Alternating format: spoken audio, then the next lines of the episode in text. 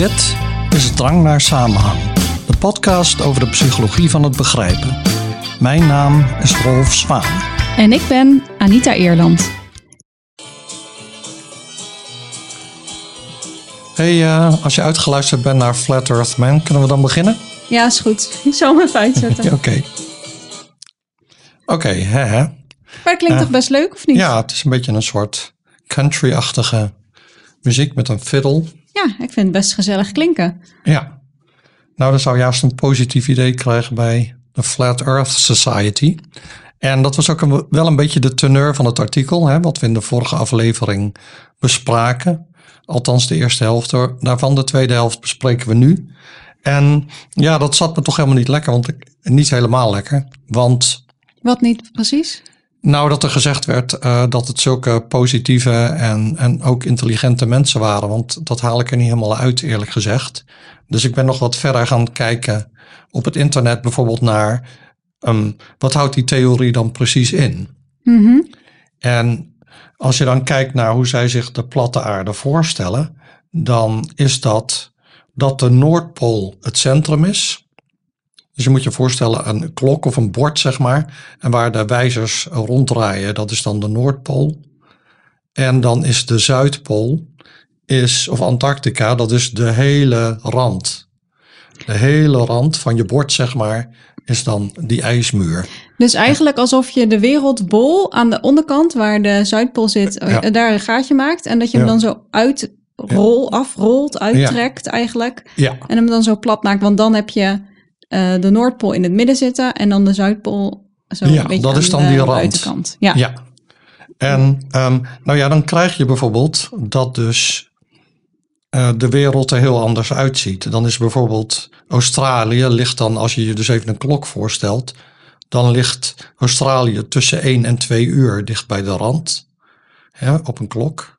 Mm -hmm. En Zuid-Amerika, de punt van Zuid-Amerika ligt ongeveer tussen, um, wat is het, 8 en 9 uur. Dus uh, nou, om je anders voor te stellen als je... Ja, ik een, vind dit een beetje lastig, maar ik ben niet zo goed in uh, nou ja, als je dan visuele een bord hebt, voorstelling zeg maar, maken. Dan uh, met je vork aan de linkerkant en je mes aan de rechterkant. Dan ligt Australië in de buurt van je mespuntje. En Zuid-Amerika ligt waar je je vork zou vastpakken. Bij het handvat, zeg maar. -hmm. Zo. Dus zo, zo liggen ze schuin uh, tegenover elkaar. Maar dat is dus heel ver van elkaar op de platte aarde.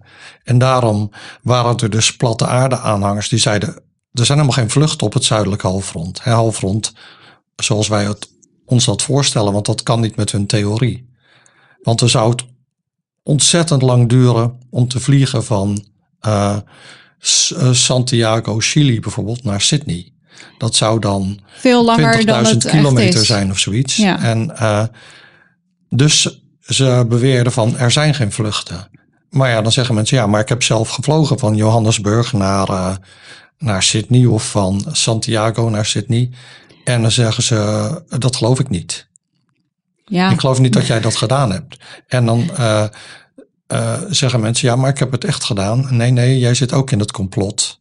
Of uh, jij bent halverwege in slaap gevallen en je hebt niet gemerkt dat ze ergens gestopt zijn. Of ze zeggen, nee, die vluchten bestaan echt niet. Als jij een kaartje boekt, wordt dat onmiddellijk gecanceld.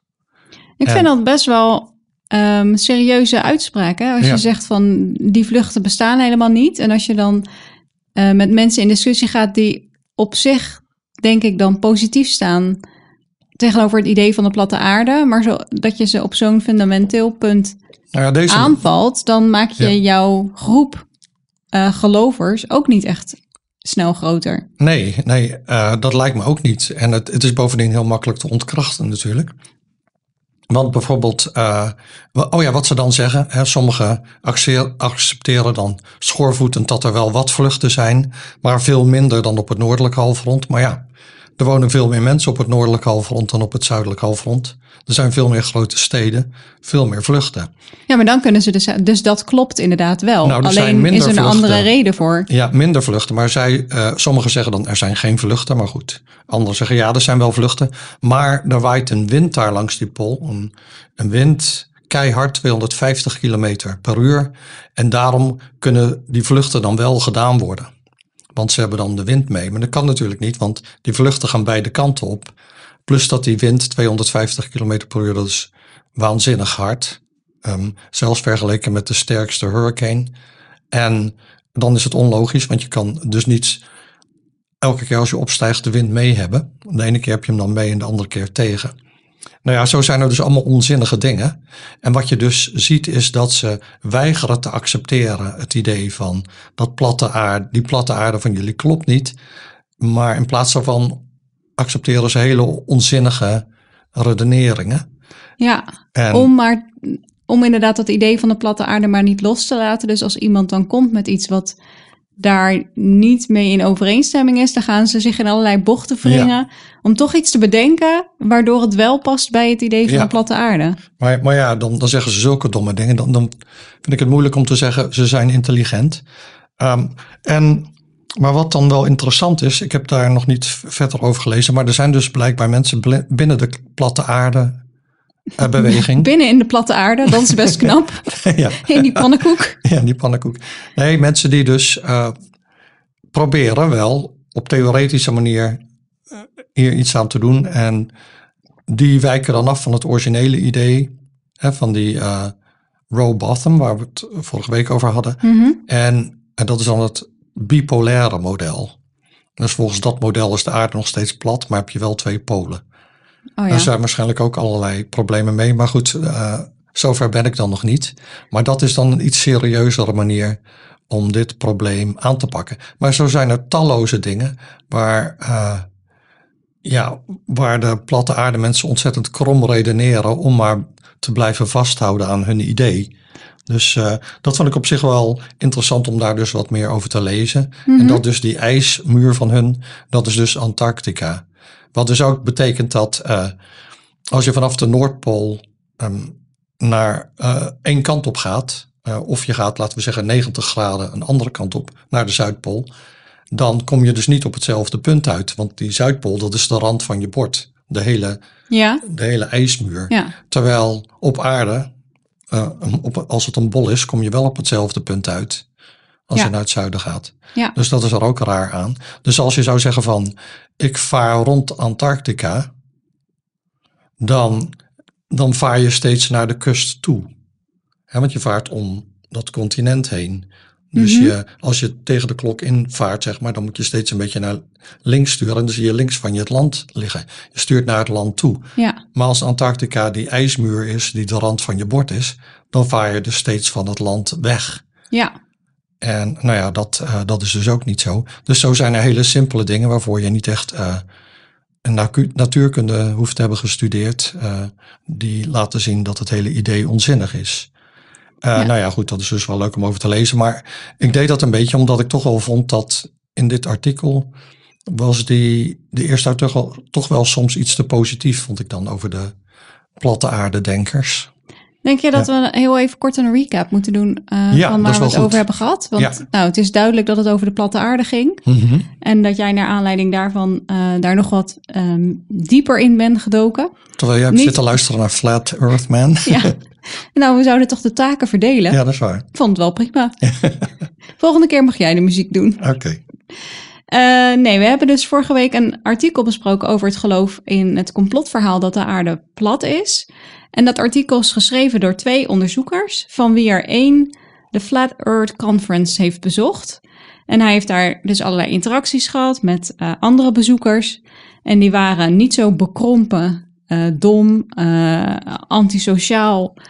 uh, antisociaal. ze namen niet zo makkelijk informatie klakkeloos aan van anderen als de onderzoeker van tevoren had gedacht. Dus hij was eigenlijk positief verrast. Nou, dat is waardoor jij dacht, ik ga hier nog even wat ja. dieper induiken.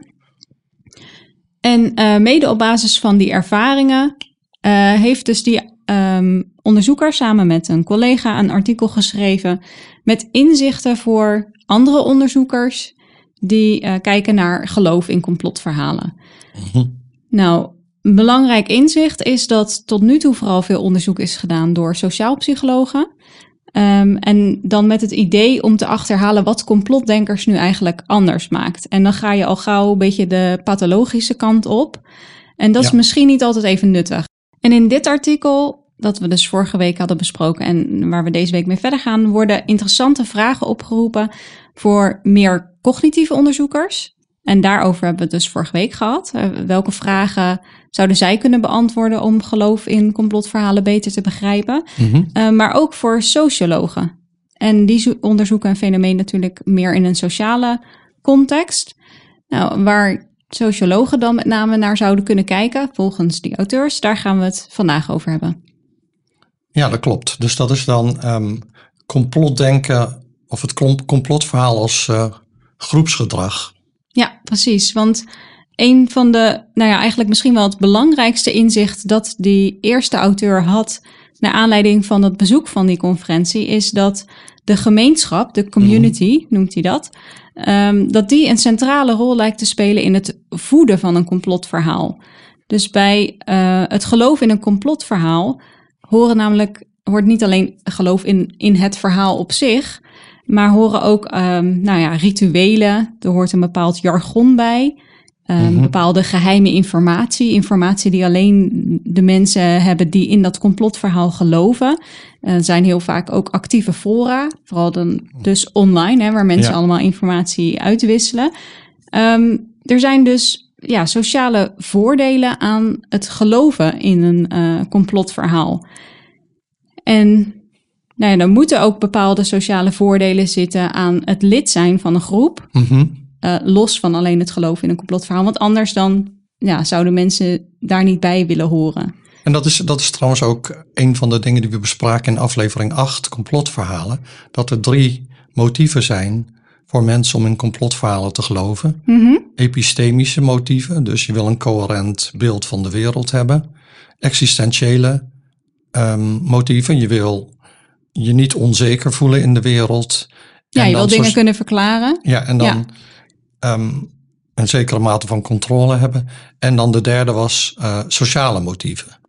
En dat is dan inderdaad dat je bij een groep wil horen. Precies, ja. En dus zo'n groep deelt niet alleen ehm, het geloof in een bepaald verhaal, maar er zitten ook allerlei andere aspecten in die je ook in, in andere groepen ziet. Dus, nou ja, wat ik net zei, hè, dat er bepaalde rituelen zijn die Mhm. maken dat er binding is. En dat er een bepaald jargon is. Dat maakt ook heel Ja. duidelijk van wij horen allemaal bij elkaar, want wij gebruiken dezelfde Mhm. woorden en andere mensen niet.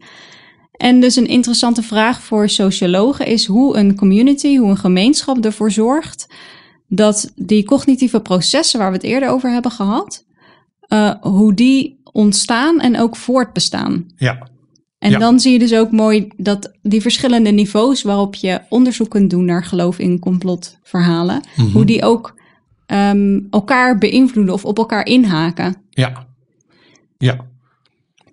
Nou, één manier waarop dat kan is via een overeenstemming over welke bronnen te vertrouwen zijn en welke niet. En zo kun je dus als community, als gemeenschap, eigenlijk eh, regelen waar iedereen zijn of haar informatie vandaan haalt. Mhm. Want je zegt dan gewoon, je moet deze en deze bronnen vertrouwen en die en die bronnen niet. Ehm, en daarmee kun je dus aansturen op een verhaal dat de theorie waar de groep dan in gelooft, Mhm. eh, ondersteunt. En dat betekent ook dat het bestaande idee, dus de theorie waarin mensen geloven, dat, of het verhaal hè, zouden we zeggen, Ja, complotverhalen, Complotverhaal. eh, dat dat verhaal dan dus niet geüpdate hoeft te worden. Want je zorgt er gewoon voor dat mensen alleen maar bronnen tot zich nemen die daarmee in overeenstemming zijn. En we hadden het vorige week gehad over dat je eigenlijk update als er nieuwe informatie komt die je Ja. niet makkelijk in kan passen in je huidige idee. Mhm. Maar ja, als jij alleen maar bronnen tot je neemt die naadloos aansluiten bij wat je al gelooft, Ja, ja, dan hoef je dus niks te updaten. nee. Ehm, en de bronnen die dan eigenlijk tegenargumenten hebben, eh, die worden van tevoren al aan de kant geschoven. Dus als jij al weet van bepaalde bronnen dat die kritisch zijn op Mhm. jouw eh, idee, ja, dan kun je al van tevoren zeggen in- binnen jouw groep van die bronnen zijn niet te vertrouwen. Dus kijk daar maar niet naar, luister daar maar niet naar, dat is allemaal onzin. En op die manier ja, creëer je eigenlijk een soort tunnelvisie binnen je eigen groep.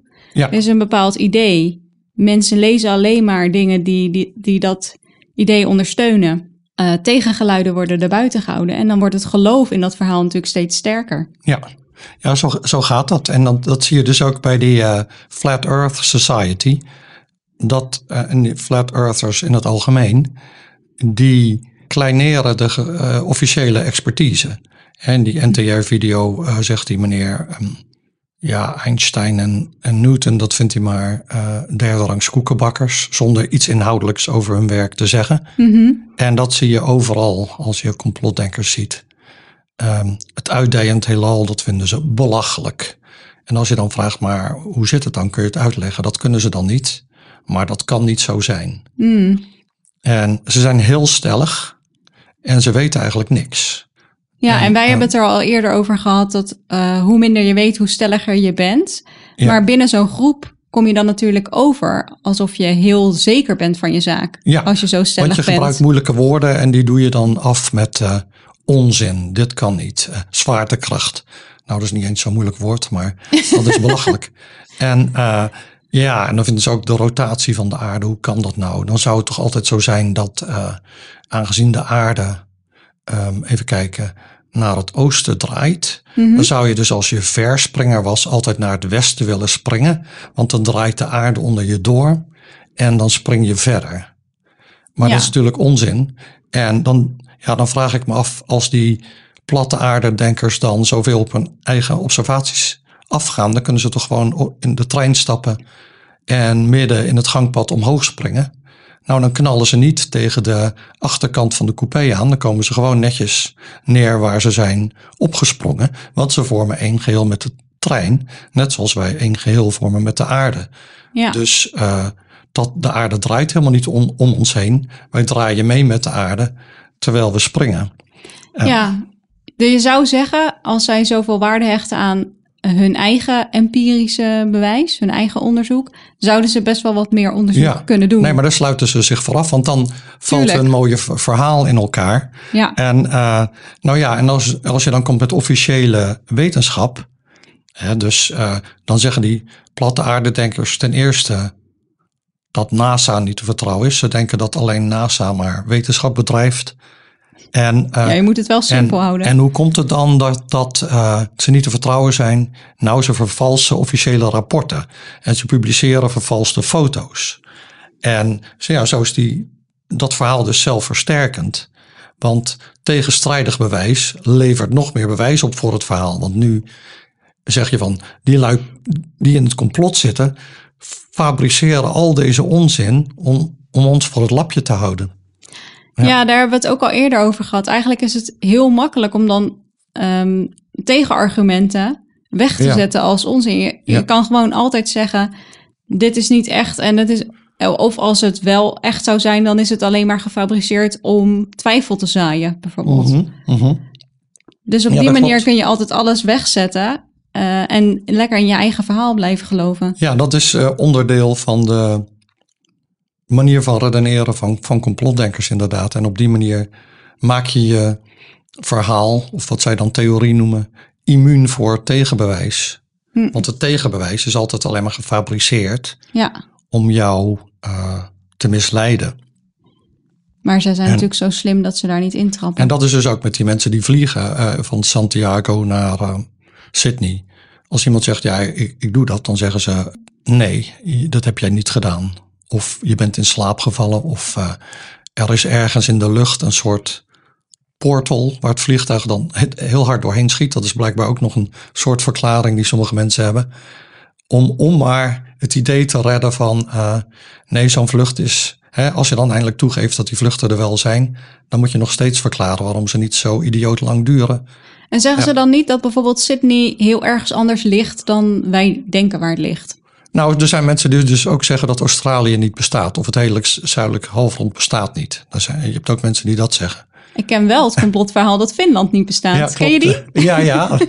daar hebben we het over gehad. En, uh, dat vond ik wel echt een hele ja. leuke trouwens. Maar dat Australië ja. niet bestaat, nee. heb ik nooit eerder gehoord. Ja, ja dat, dat, zeggen, dat zeggen sommige mensen dan ook. Het hele Ah, ja. zuidelijke halfrond bestaat niet. Ah, oké. Okay. Afrika bestaat ook niet. Dat soort, uh, in ieder geval, laten we zeggen, de onderste, het onderste deel van Afrika dan. Hè? En uh, ja, dus dat is dan dat, dat eerste van je maakt uh, eigenlijk je, wat jij denkt, immuun voor kritiek door wat anderen, waar anderen mee komen als tegenbewijs om dat verdacht te maken. En een tweede manier waarop, een, uh, waarop groepsprocessen een rol spelen in het ondersteunen van zo'n complotverhaal, is door het bevorderen van een vals gevoel van begrip. Dus jij zit in een zaal en iemand vertelt een verhaal. En jij denkt, oh ja, dat, uh, dat klopt. hey, dat past erbij, dat past bij elkaar. Alle puzzelstukjes vallen in elkaar. En dan denk je, ik snap het. En al de mensen om je heen, die zitten ook zo mee te knikken. Dus dan heb je het gevoel van, ik snap het. Mhm. Als iemand aan jou zou vragen van, vertel het eens even na. Dan zou je dat niet kunnen. Dus dat is een vals uh, gevoel van begrip. Ze, mensen verwarren wat zij denken te weten met wat anderen in hun groep weten.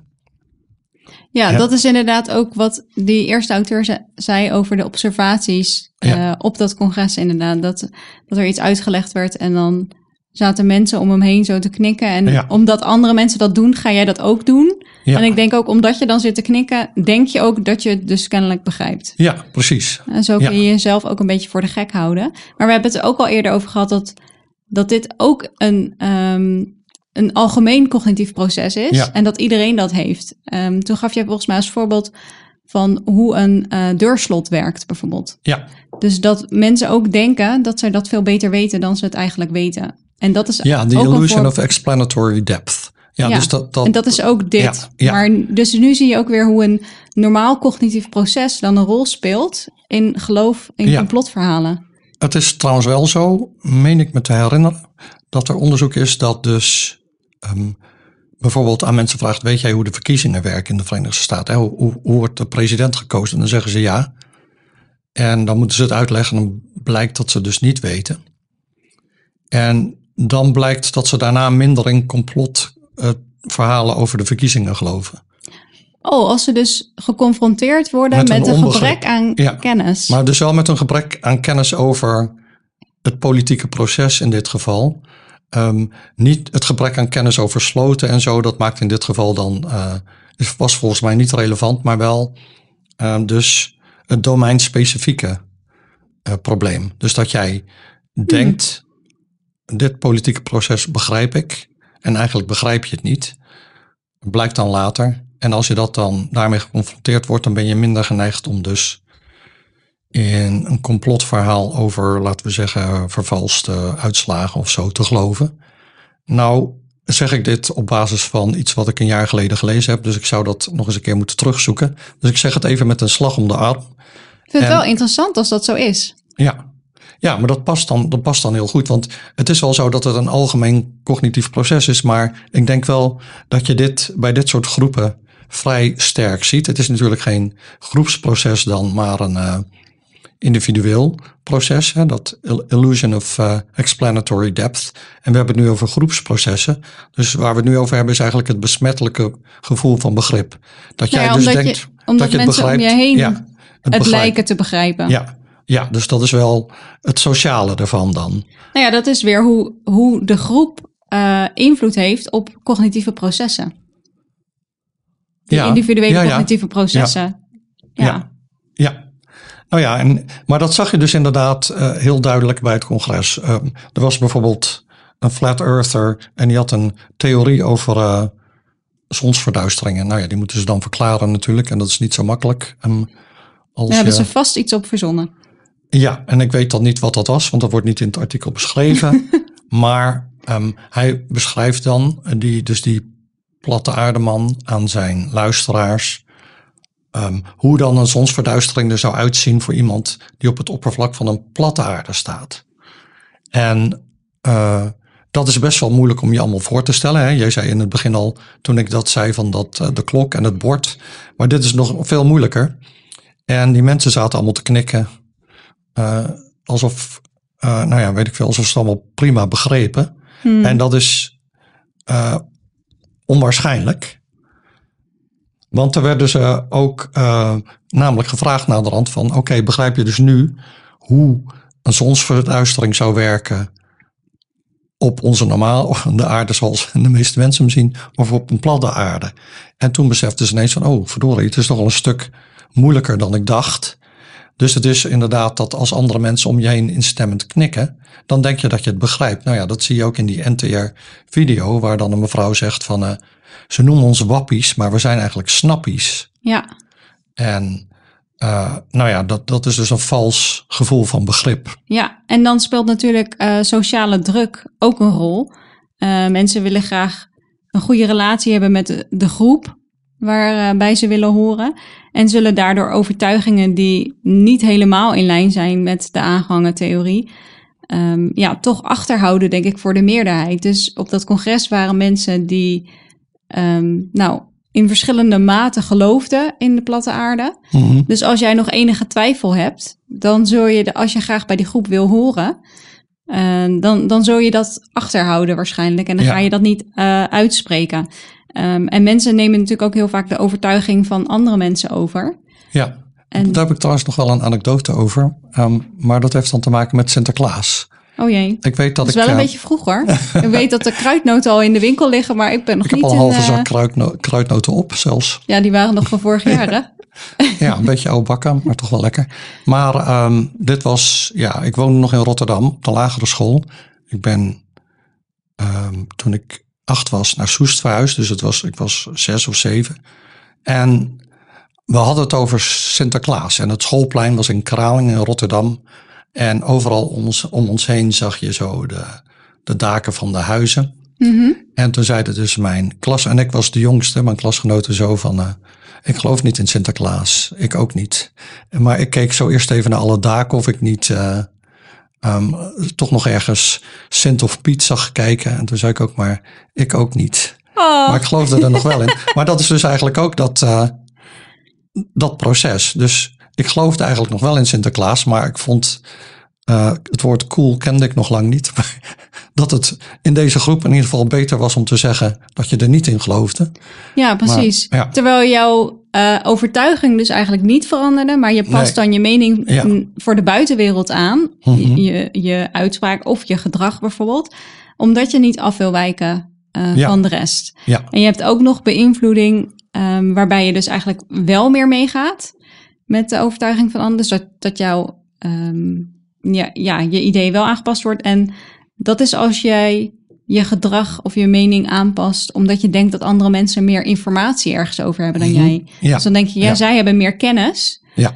Uh, en ik weet het niet zo goed, dus um, ik ga gewoon mee met de rest. Ja. En die andere is niet op basis van informatie, maar gewoon omdat je niet af wil wijken van de rest. En dat was dus bij jou in Rotterdam met Ja. uh, Sinterklaas zo. Mm -hmm. Ja, dat is trouwens, zit ik te denken, best wel een discrepantie. Dus die, die mensen die lezingen geven op dat Flat Earth congres, daarvan denken andere mensen, die weet meer dan ik. Dus uh, ik geloof het, maar die Flat Earth mensen die die praatjes geven, denken niet Einstein weet meer dan ik. Nee. Nou, dat is best wel typisch. Ja.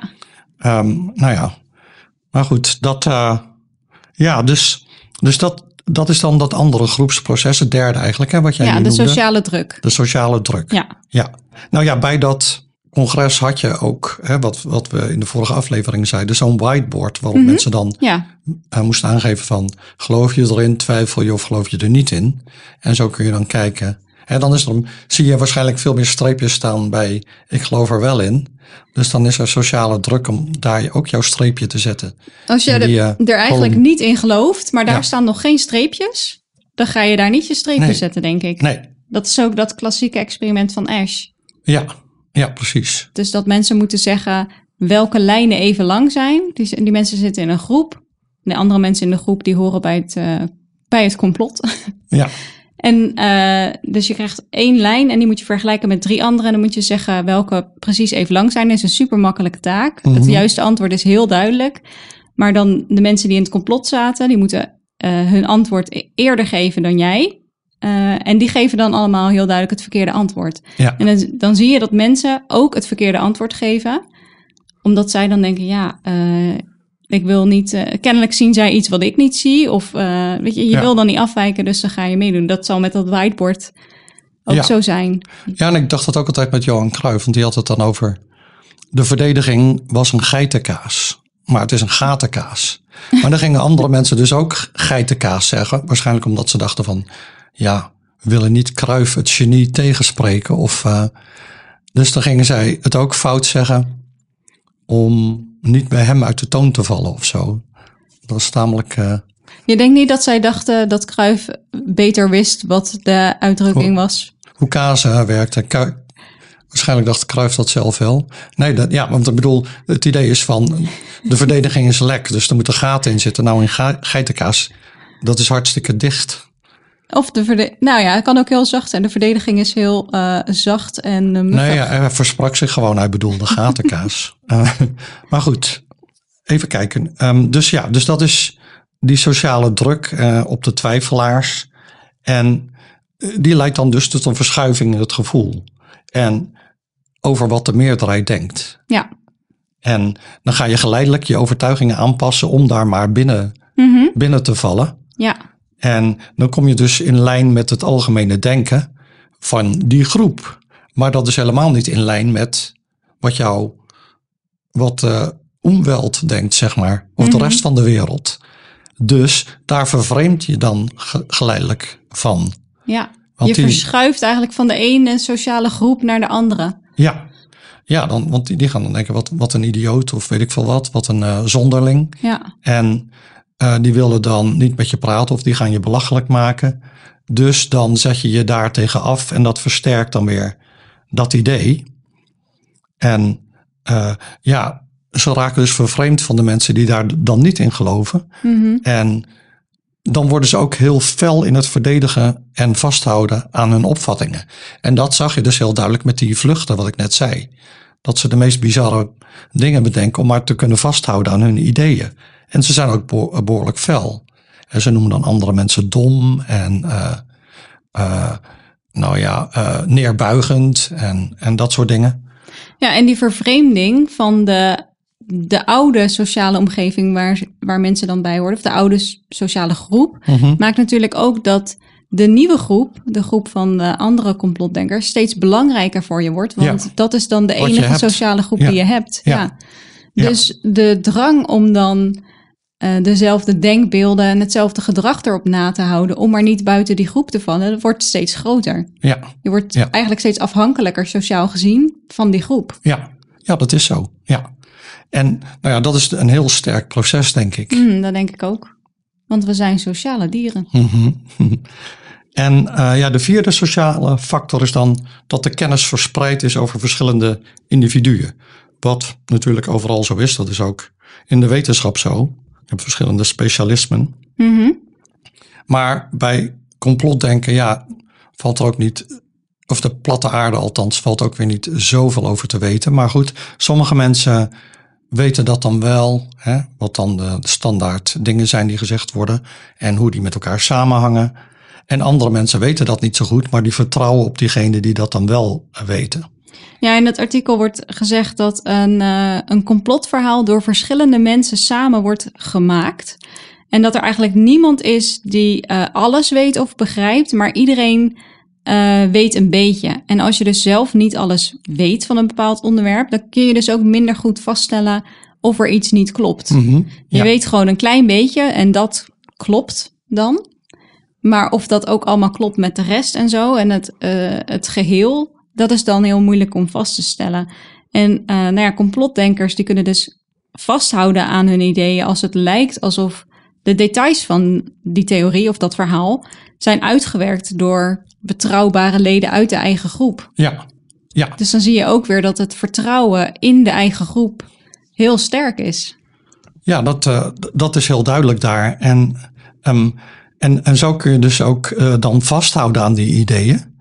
En maar dan is wel de vraag van, ehm, hoe kiezen ze dan ehm wiens-informatie bijdraagt aan hun gevoel van begrip en wiens-informatie niet? Mhm. Nou, dan is er bijvoorbeeld een expert in de flat earth natuurkunde. Is dat een, vak eh, een vak? Ja, en eh, daar is dan iemand en die heeft dan verstand van de anti-zwaartekracht. Wat dan iets is in dus eh, de platte aarde denken. En daar is eh, hij dan eh, de expert in. Dus mensen vertrouwen erop eh, dat hij weet waar hij het over heeft als hij daarover heeft. Mhm. En dat was blijkbaar de hele tijd aan de gang in dat congres. dat de, dus de deelnemers hun kennis uitbesteden aan personen die ze dan als expert beschouwen. Wat natuurlijk wij allemaal doen. Hè. Wij zijn ook geen astrofysici of uh, geologen. Ik heb wel nog een blauwe maandag uh, geologie als bijvak gehad. Maar Misschien kunnen we je wel als expert opvoeren dan. ja, maar ja, dus op, op dat congres Um, ja, dan hoeven de mensen dus eigenlijk niet kritisch na te denken, want uh, je hoeft ook niet alles volledig te begrijpen. Want de spreker begreep die details dan wel. En jij hoeft alleen maar eigenlijk wat te knikken. En, uh, en ja, je vertrouwt dus heel erg op die spreker, op de kennis van die spreker. Je trekt dus die bronnen niet in twijfel. Nee, nee. Je bent, uh, en, je, en je twijfelt heel erg aan de officiële bronnen. Mm. Want die worden constant uh, dus belachelijk gemaakt. En zo ontstaat er dan een, wel een hele parallele samenleving eigenlijk. Hè? Dat iedereen heeft zijn eigen bronnen, zijn eigen experts. Dat vind ik best wel beangstigend. Ja, je krijgt zo verschillende werelden. En ik zat wel te denken aan een gedachte, nou, dus is een gedachte-experiment. Maar als je nu gewoon een eiland neemt ergens en dan zet je alle complotdenkers op. En je zegt van, jullie mogen gerust geloven dat de aarde plat is en uh, dat NASA, dat de maanlanding fake is en wat dan niet. We hebben verder geen contact met jullie. Um, zoek het maar uit op je eiland. Mm -hmm. En dan kijken hoe ze zich ontwikkelen um, door de tijd heen. Dat zou wel een interessant experiment zijn. En heb je daar bepaalde hypotheses bij? Nou ja, ze zouden dan eigenlijk alles opnieuw moeten uitvinden. Gaan ze dan op een bepaald moment ontdekken dat de aarde toch rond is? Of, uh, hmm. En hoe gaan ze wetenschap bedrijven? En hoe gaan ze apparaten ontwikkelen om het leven makkelijker te maken? Ja. Dat is dan wel even de vraag. Zullen we dan één ding afspreken? Nou goed. Dat we ze op Australië zetten? Ah, want dat bestaat niet volgens hen. Ja. Hmm. Maar dan zullen ze daar niet willen zitten natuurlijk. Dan geloven ze toch niet dat ze daar zitten. Nee, dat is waar. Oké, we doen net alsof, het dan, alsof ze nog steeds in Amerika zitten of wat dan ook. Oh, waar ze willen. Ja. Maar ik denk wel, de, in theorie is dat een interessant gegeven van hoe zouden zij zich dan ontwikkelen ja. als maatschappij. Mm -hmm. uh, maar zou je een leuke film van kunnen maken, denk ik. We kunnen altijd dromen. Ja, eh, ja, het zou een leuke film kunnen zijn. En dan kunnen nou. wij hem bespreken. Ken jij regisseurs? Ik niet. Maar, nee, ik ook um, niet. Maar goed, even kijken. Nou, mocht er een regisseur luisteren ja. met interesse. En daar wil je een film over maken, dan krijgt hij een fles snaps van jou. Ja, wat, mij, ja. Uh, wat mij betreft. ja, oké. Okay. Maar om even terug te komen op het artikel. Mm -hmm. Het eindigt wel op een mooie manier. En ik denk ook dat dat wel een mooi einde van de aflevering is.